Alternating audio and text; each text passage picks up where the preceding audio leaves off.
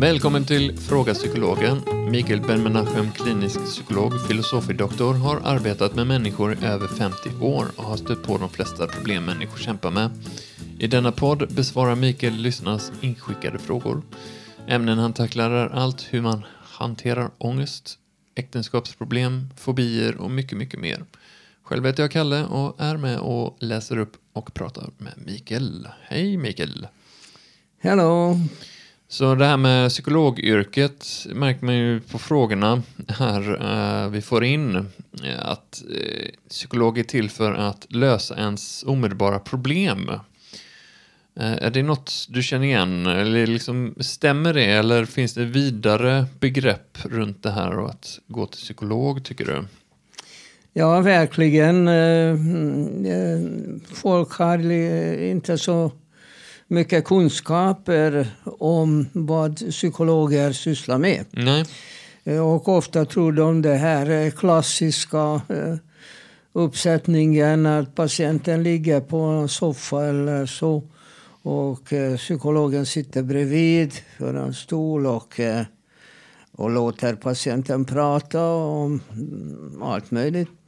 Och eh, så sitter psykologen där lite beroende av eh, vad han har för teoribakgrund. Om, om han sätter upp eh, exakta mål för terapin Mm. eller bara låter vederbörande prata och håller sig i bakgrunden. Det, det är nog de flesta människor tänker på psykologin. Just det. Men i själva verket så psykologin är så våldsamt mycket mera. Eh, Jag har bekantat mig med ämnet, liksom bara ramlat i det helt enkelt. För att jag eh, visste ingenting om psykologi. Eh, inte varit i närheten och då den tiden, i 60-talet, så var det också eh, ett okänt ämne, framförallt i Sverige. Mm. Och eh, det är rätt så intressant att psykologin kom till Sverige just under andra världskriget. Mhm. Och eh, eh, tack vare en del eh, flyktingar från Tyskland eh, mestadels. Och eh, det är rätt så intressant att eh, till Norge hamnade andra typer av psykologer än det som kom till Sverige. Mm. Och det har liksom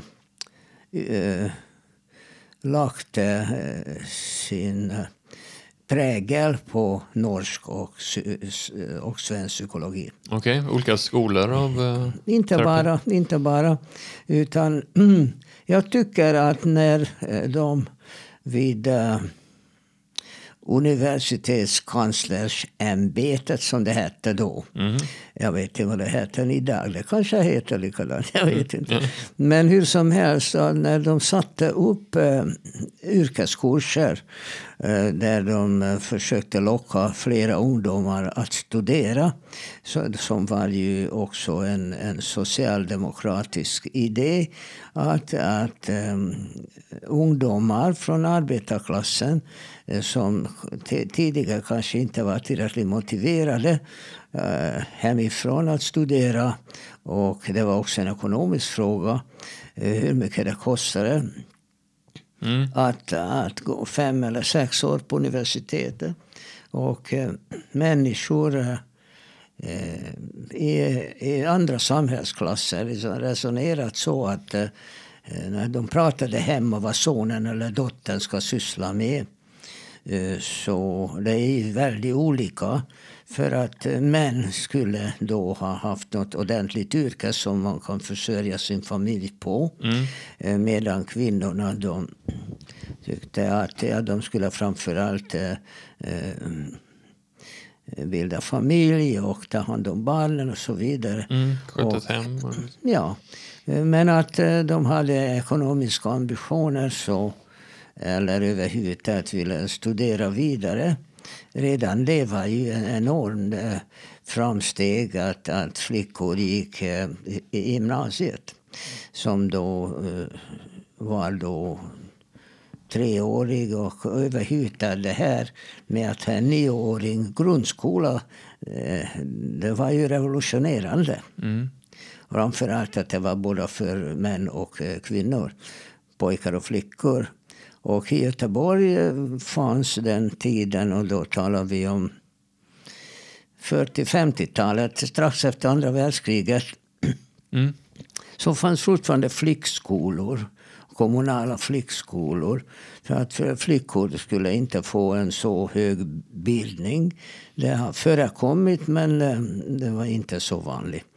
Och eh, däremot så, så män skulle välja yrken som eh, Eh, Eh, som gav så pass mycket ekonomiskt. Och då föräldrar från till exempel eh, arbetarklassen och även eh, eh medelklassen som kanske var eh, lägre tjänstemän eller så.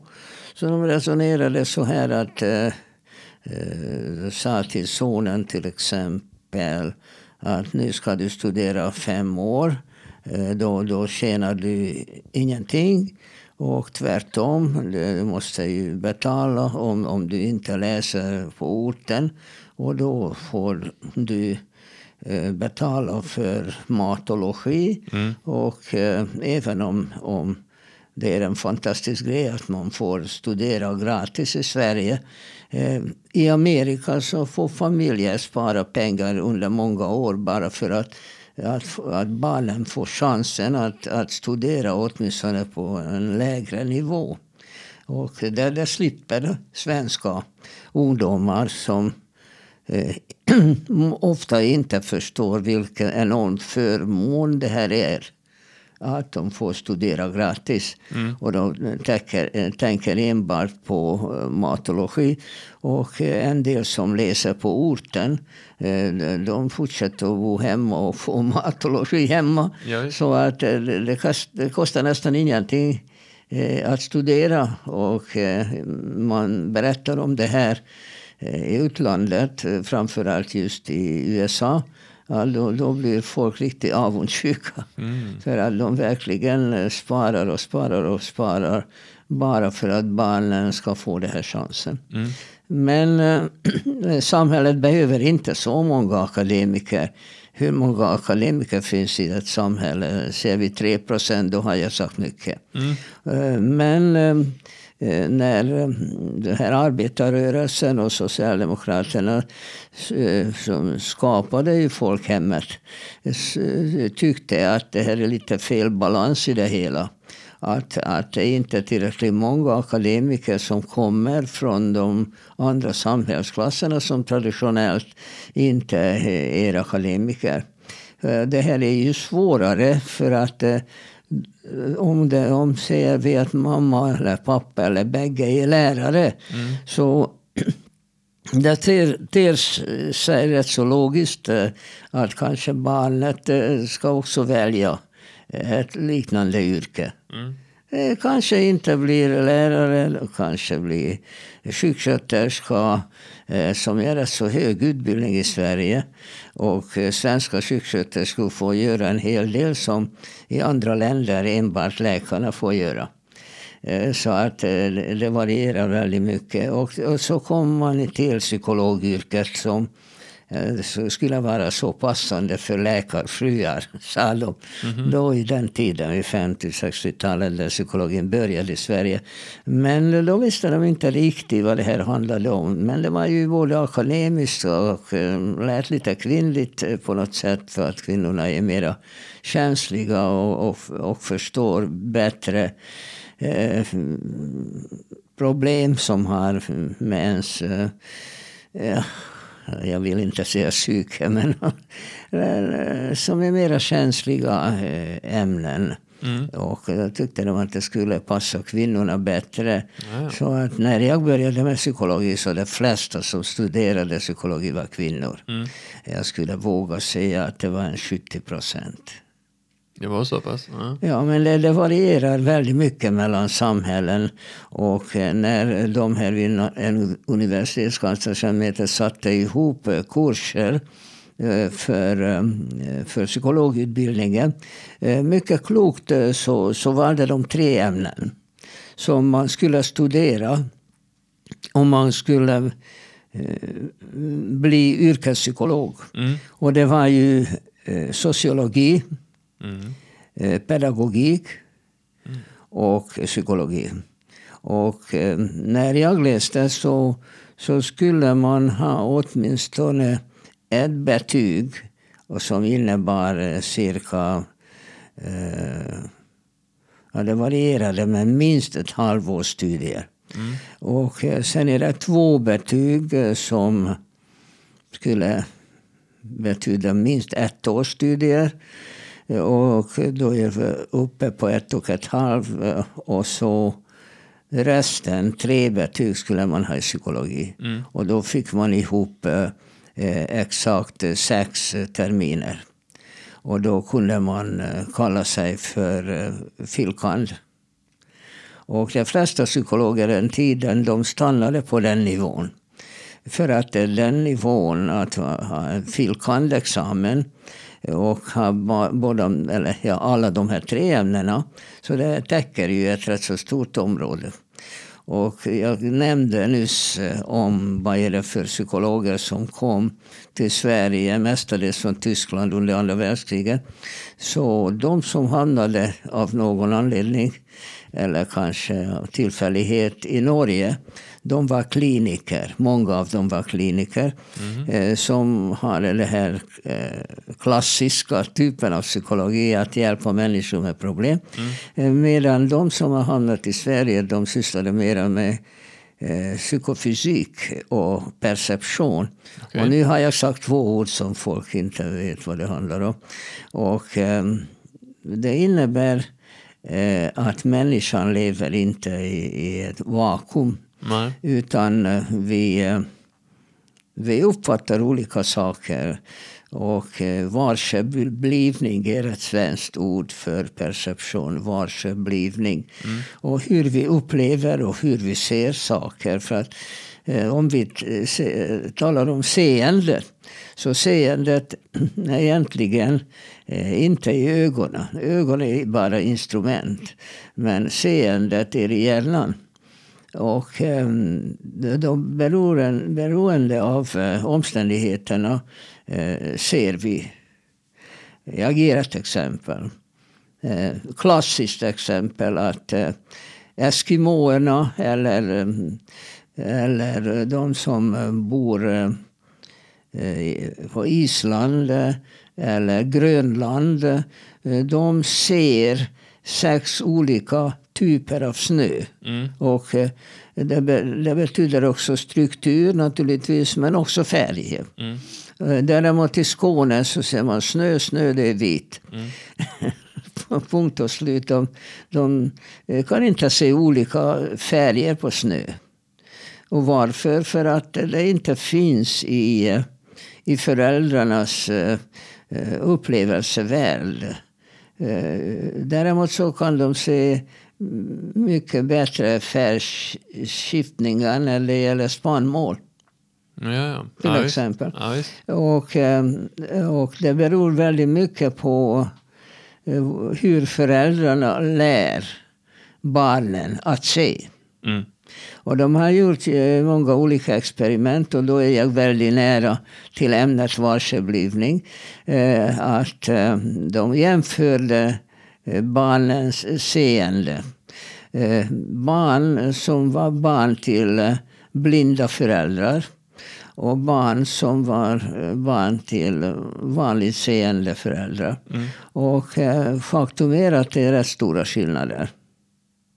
Alltså de barnen som är barn till blinda föräldrar eller eller synskadade eller svagseende eh, ser eh, mycket mindre, så att säga. Mm. faktiskt. Och då ser vi att, att det kommer som nästan allting från föräldrarna.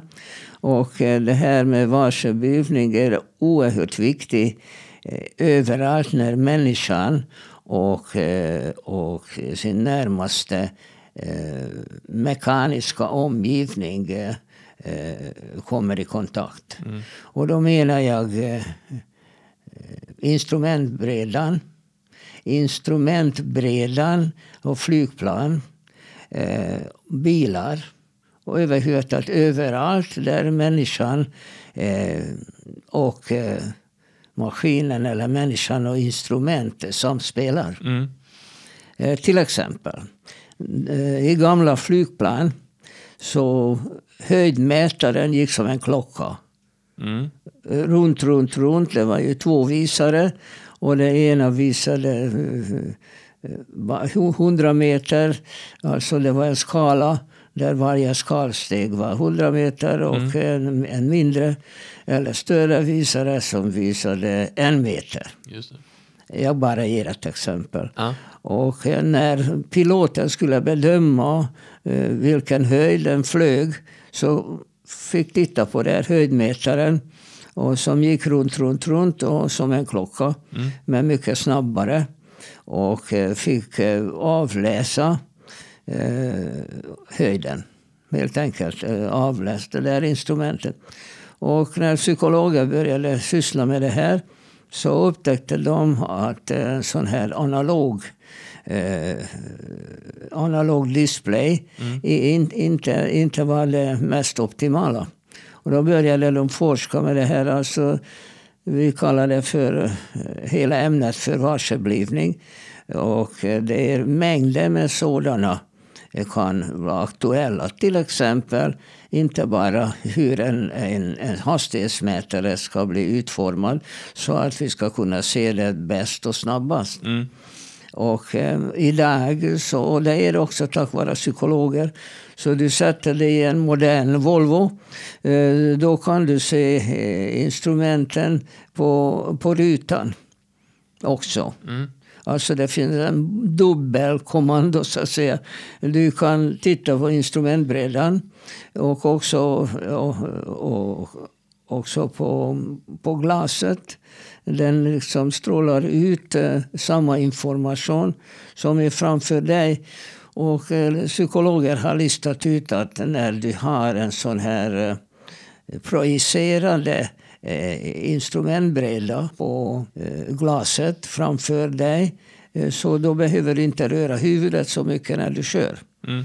Eh, det var ett exempel på som psykologer har listat ut vad av, av trafiksäkerhetssynpunkt eh, om det är vad är bättre? Att hela tiden titta ner lite grann och titta på instrumentbrädan eller inte behöva röra huvudet utan kan bara se framåt och se ändå eh, instrumenten. Men så måste du också se väldigt tydligt vad som, vad som finns framför dig. Och så att du mm. kan inte bara ha instrumentresultat på vindrutan och, som stör din vision. Så att det är mycket noggrant psykologiskt arbete bakom det här. Att komma fram till en, en optimal eh, kombination. Men det, några skulle kunna argumentera och kalla det för design. Nej, det här är inte bara design. Jo, men eh, det där liksom en, det är en designbeslut att, uh, att uh, utforma en instrumentbräda på det viset. Jag, tänk, liksom, jag tänker överhuvudtaget kreativitet kräver mycket design och design för att göra det bra kräver att man sätter sig i mottagarens eller publikens sits. Liksom man, design märks ju inte när det är bra. Det märks mer när det är dåligt. Förstår jag Nej, menar? men alltså det här är inte en, en subjektiv grej. Utan äh, vi, alltså psykologer har ju studerat hur, hur seendet fungerar i olika samhällen. Och äh, helt enkelt ex, experimentellt listar ut äh, vilka är de optimala situationerna för att att människan ska kunna se bäst. Helt enkelt. Mm. Det kan vara, det kan vara äh, belysning, det kan vara färger, det kan vara som du säger, eh, om du vill kalla det för design. Men egentligen det handlar inte lika mycket om design. Om vi vill titta det från designhållet. Jag vet att en mycket innovativ eh, bilfabrik, Citroën, som har inte kanske skapat de det bästa, eh, alltså tekniskt bästa bilarna men absolut det mest innovativa. Och många bilmärken har ju köpt licens. Mercedes och Rolls-Royce har köpt licens från Citroën. Eh, i olika tekniska innovationer. Och jag kommer så väl ihåg att det är Citroën som började kanske vid, redan vid 50-talet att komma med digitala eh, hastighetsmätare som var mycket ovanliga. Det var mest eh, analoga som klockor. Och eh, om vad man kan se bäst, eh, en analog klocka eller en digital klocka, det kan man fortfarande diskutera. Men eh, psykologerna experimentellt bevisade att det digitala var bättre. Mm. Eh, och när det gällde flygplan så, så var det verkligen livräddande eh, fynd av psykologer när de visade hur instrument ska utformas av säkerhetssynpunkt. De psykologer som kom till Sverige de var väldigt duktiga från Tyskland eh, Eh, i psykofysik. Och, eh, och därför, därifrån kommer ju perception och eh, trafikpsykologi. Så när jag eh, studerade psykologi i Uppsala 60-talet eh, då var det som blev världsberömda svenska psykologer var inte kliniker. Utan de sysslade med trafikpsykologi. Så det finns en hel del psykologer som arbetar med eh, trafiksäkerhet. Mm. Och hur, hur till exempel eh, de här gröna gubbarna. Det är allt psykolo psykologiskt arbete bakom det.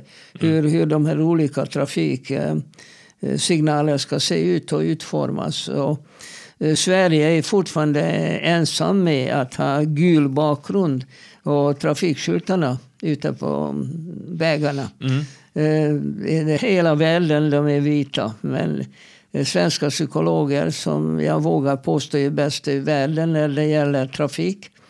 De har listat ut att gula är bättre. Ja, allt det här påminner mig om, om hur man eh, utformar till exempel filmer också, liksom sådär estetiskt, hur man guidar publikens blick. Eh, man vill att de ska se en viss sak, kanske inte en annan. Hur man informerar med färger eh, och toner och sånt där. Det låter väl ja, likt? Men man, man, kan driva det här till det extrema. Du har helt rätt.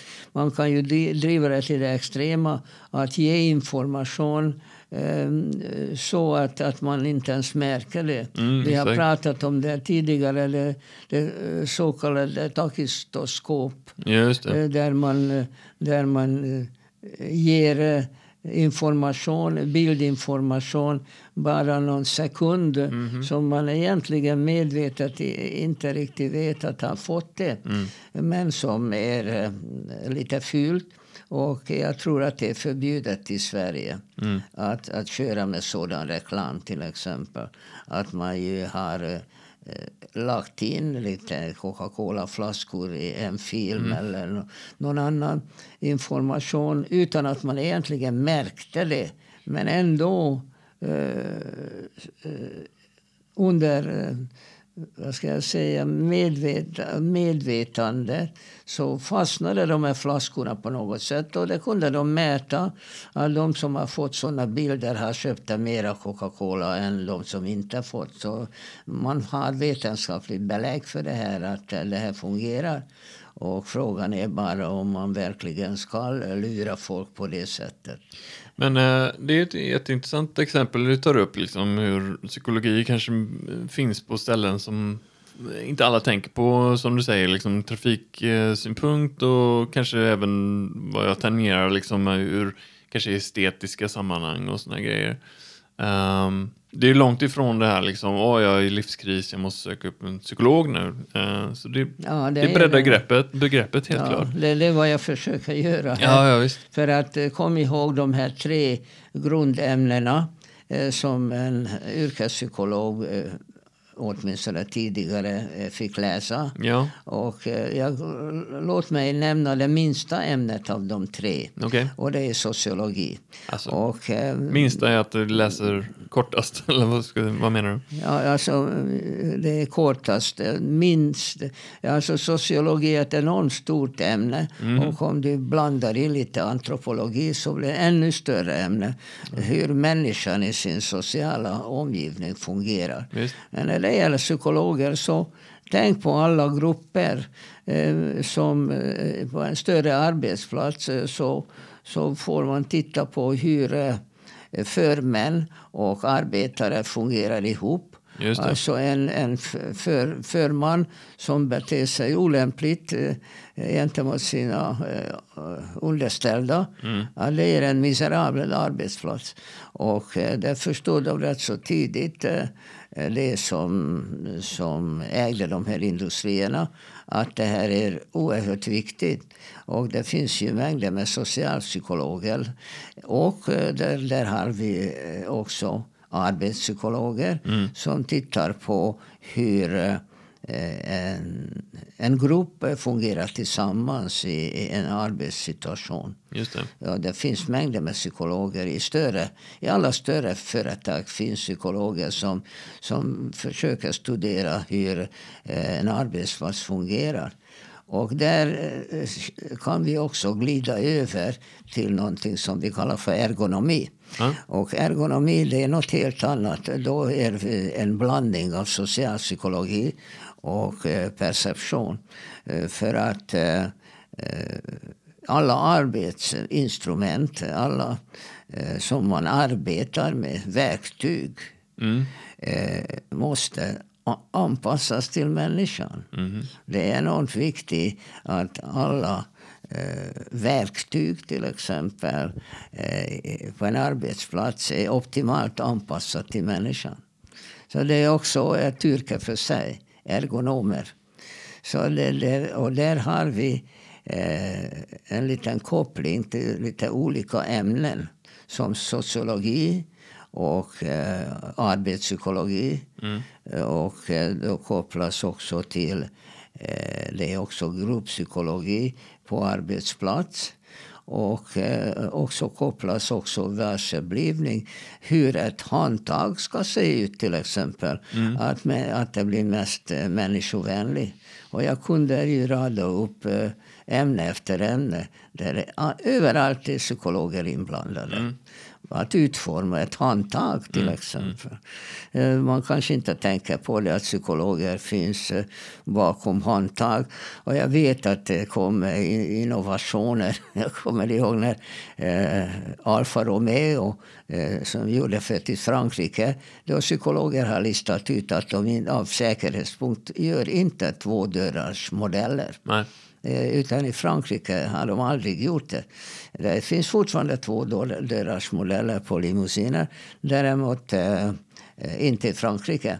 Och då ville Alfa Romeo göra en innovation och gömde handtaget ja. i, i bakdörrarna. Eh, mm. Och jag vet att när jag var, eh, jag ville hjälpa någon att komma ur bilen. Jag hittade inte handtaget. För att de gömde det här i, i bakre eh, kanten av eh, bakdörren. Mm. Och, och, det var i samma färg, så de ville inte att det ska sticka ut av eh, aerodynamiska eh, betänkligheter att, eh, att, att ge minsta tänkbara luftmotstånd mm. till exempel. Mm. Eh, psykologer arbetar med aerodynamik också. Hur liksom det här fartyget eller flygplanet eller bilen ska konstrueras så att det ska ge minsta tänkbara luftmotstånd. Mm. Jag kommer väl ihåg att det var en sensation när Pelle Pettersson eh, designade eh, Volvo spårbil. Och det är mycket... Vad heter det? Volvos? Ja, Volvos. Jag vet inte vad det kallas för. Det är en, två, en tvåsitsig spårbil som Pelle har eh, designat. Ja. Jag vet inte om du kommer ihåg dem. Alltså det som Eh, Roger, Roger Moore. Helgonet. ja, och det var en, en, en kultbil, blev det egentligen. Eh, så, och allt är psykologiskt arbete bakom det här egentligen. Designare läser mycket psykologi. Eh, och han ville ha liksom en bil som var väldigt vacker med, med den tidens eh, begrepp om vad som är vacker. P1800 för övrigt. Ja, så. En snygg bil. Ja. ja. Eh, så, att... Eh, om vi går vidare, jag ville nämna ett annat ämne till exempel inom socialpsykologi. Och det är, jag har läst det, medicinpsykologi. Jag har aldrig hört talas om medicinpsykologi. Nej, eller ja. ja, det är ett stort ämne. Jag nämner bara det att de jämför olika länder och de tittar på eh, vad är det för mediciner som finns eh, i badrummet eh, hos folk. Och vad är det för mediciner som, som är receptbelagda? Och vad är det för mediciner som man kan bara köpa på mm. apotek? Mm. Och eh, det beror på olika eh, faktorer. Dels på grund av att, eh, att gå hos läkare är mycket dyrare i USA. Mm. Så där, där får man köpa till och med antibiotika på de här drugstores utan, utan recept. Eh, och det, och det kan vara lite farligt för att det finns så många olika typer av antibiotika. Och, och det behövs verkligen en läkare som undersöker patienten och kan bedöma att eh, med tanke på symptomen vad skulle det vara för sorts antibiotika som skulle bita bäst. Mm. Men eh, det, det, här är en mycket fascinerande studie när de tittade på att hur mycket självmedicinering förekommer. Eh, det är stora skillnader med olika folk, olika religioner. Mm. Alltså till exempel den eh, protestantiska etiken. Att man inte ska liksom skryta och eh, ska hålla låg profil och inte försöka och göra sig märkvärdig. Mm. Du känner igen de här. Ja, lagom ja.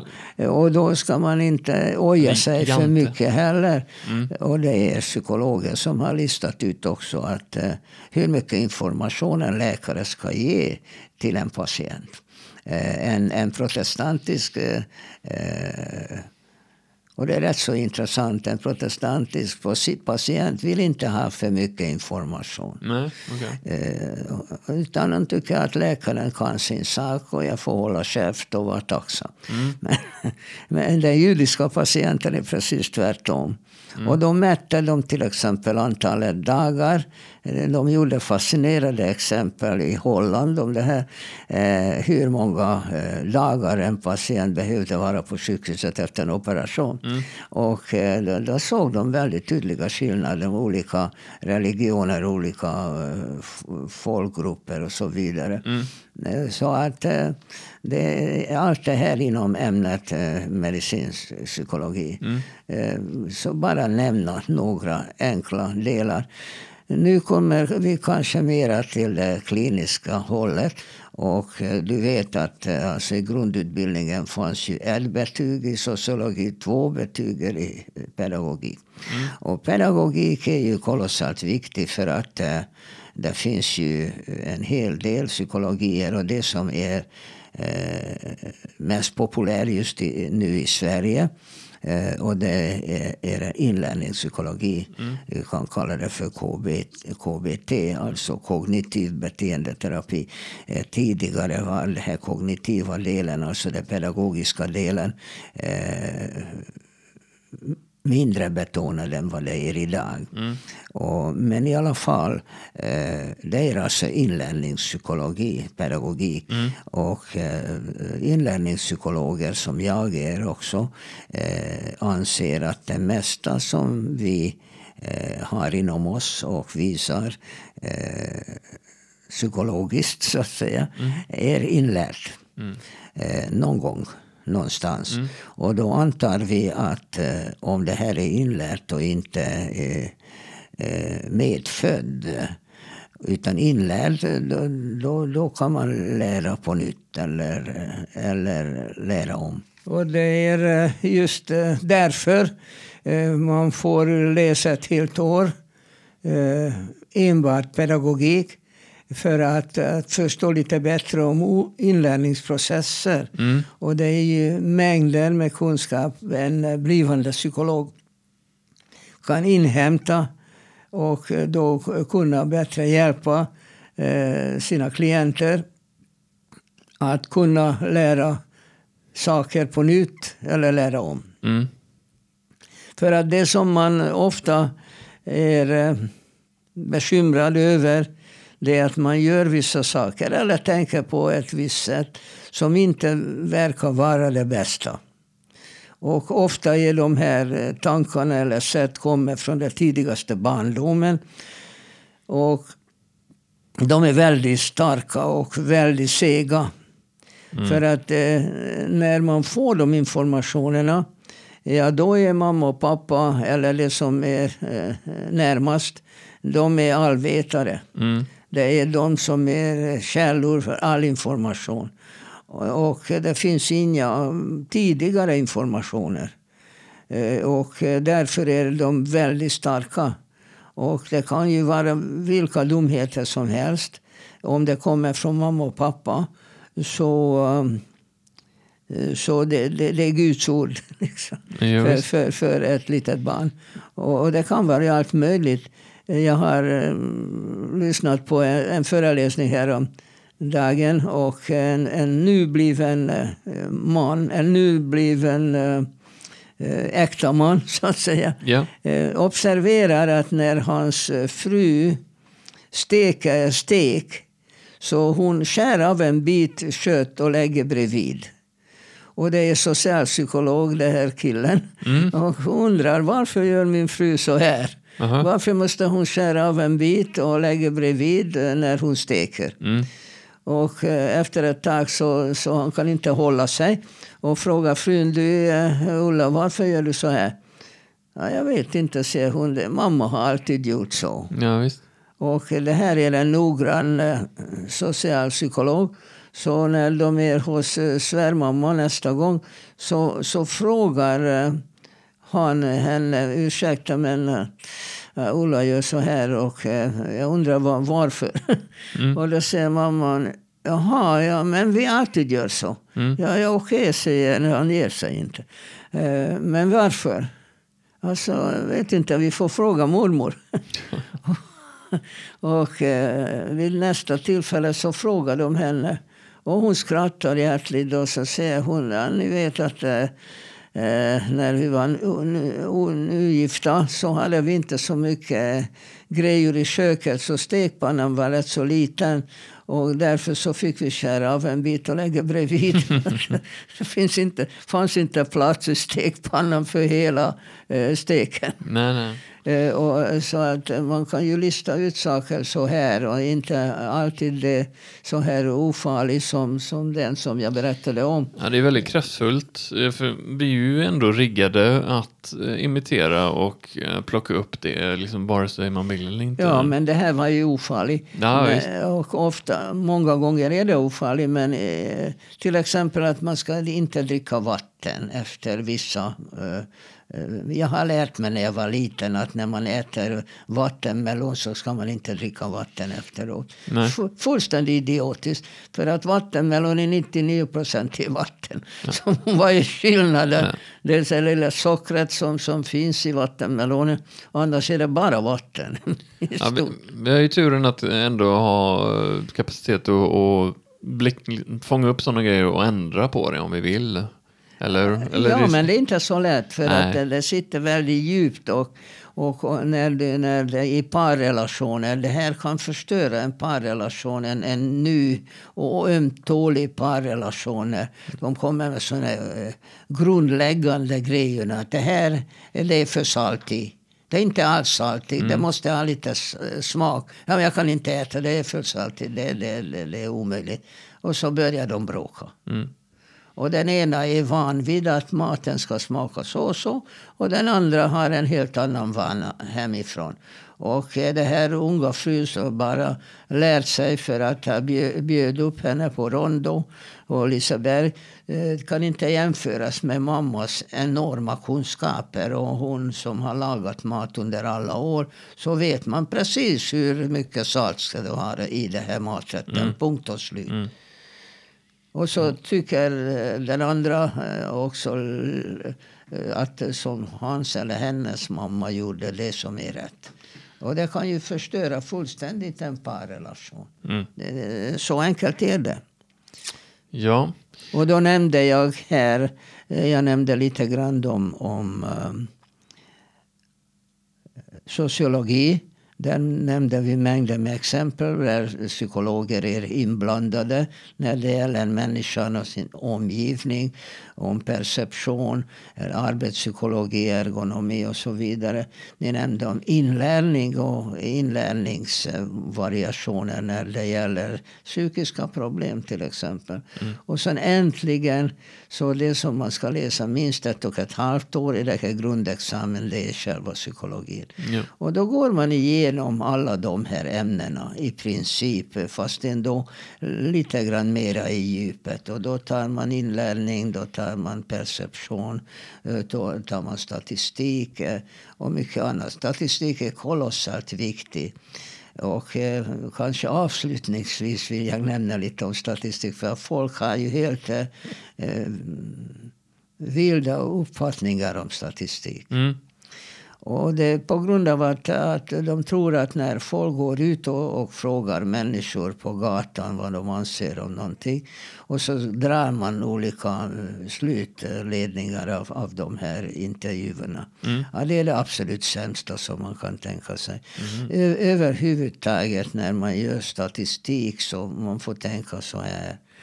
Om jag gör någonting för att jag tror att det är bättre för dig. Mm så måste jag bevisa det att, att det här som, som jag dig att göra är verkligen bättre.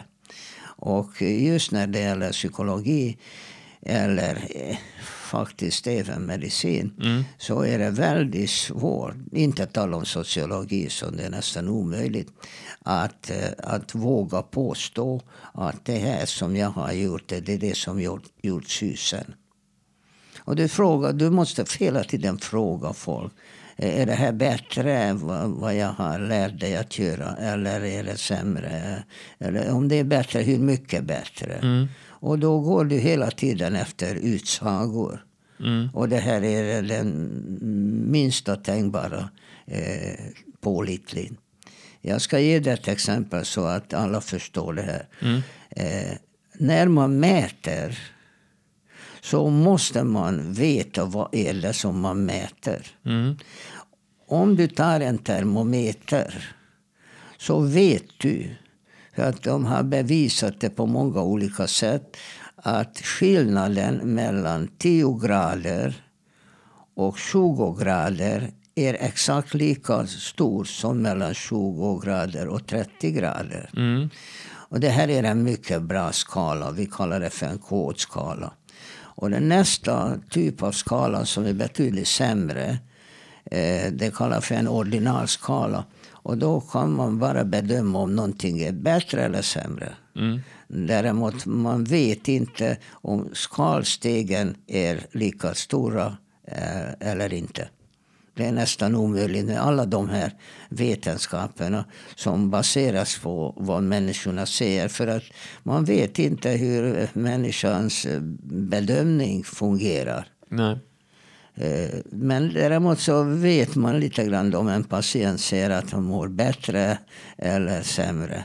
Om de säger hur mycket bättre, ja då kanske två eller tre människor har helt olika uppfattningar. Mm. Och, och så dra långgående konsekvenser av de här utsagorna, då är man på hal is. Faktiskt. Mm. Jag anser att de bästa statistik man kan göra inom sådana ämnen som psykologi är de här egna bedömningar. Att du använder samma kontrollperson mm. i olika eh, mängder, olika mätningar. För att så snart man börjar laborera med större grupper så är risken mycket stor att um, de olika personernas bedömningsgrunder är olika. Mm, okay. ha. Eh, så har vi pratat lite om olika typer av psykologer. Ja, du har breddat begreppet lite.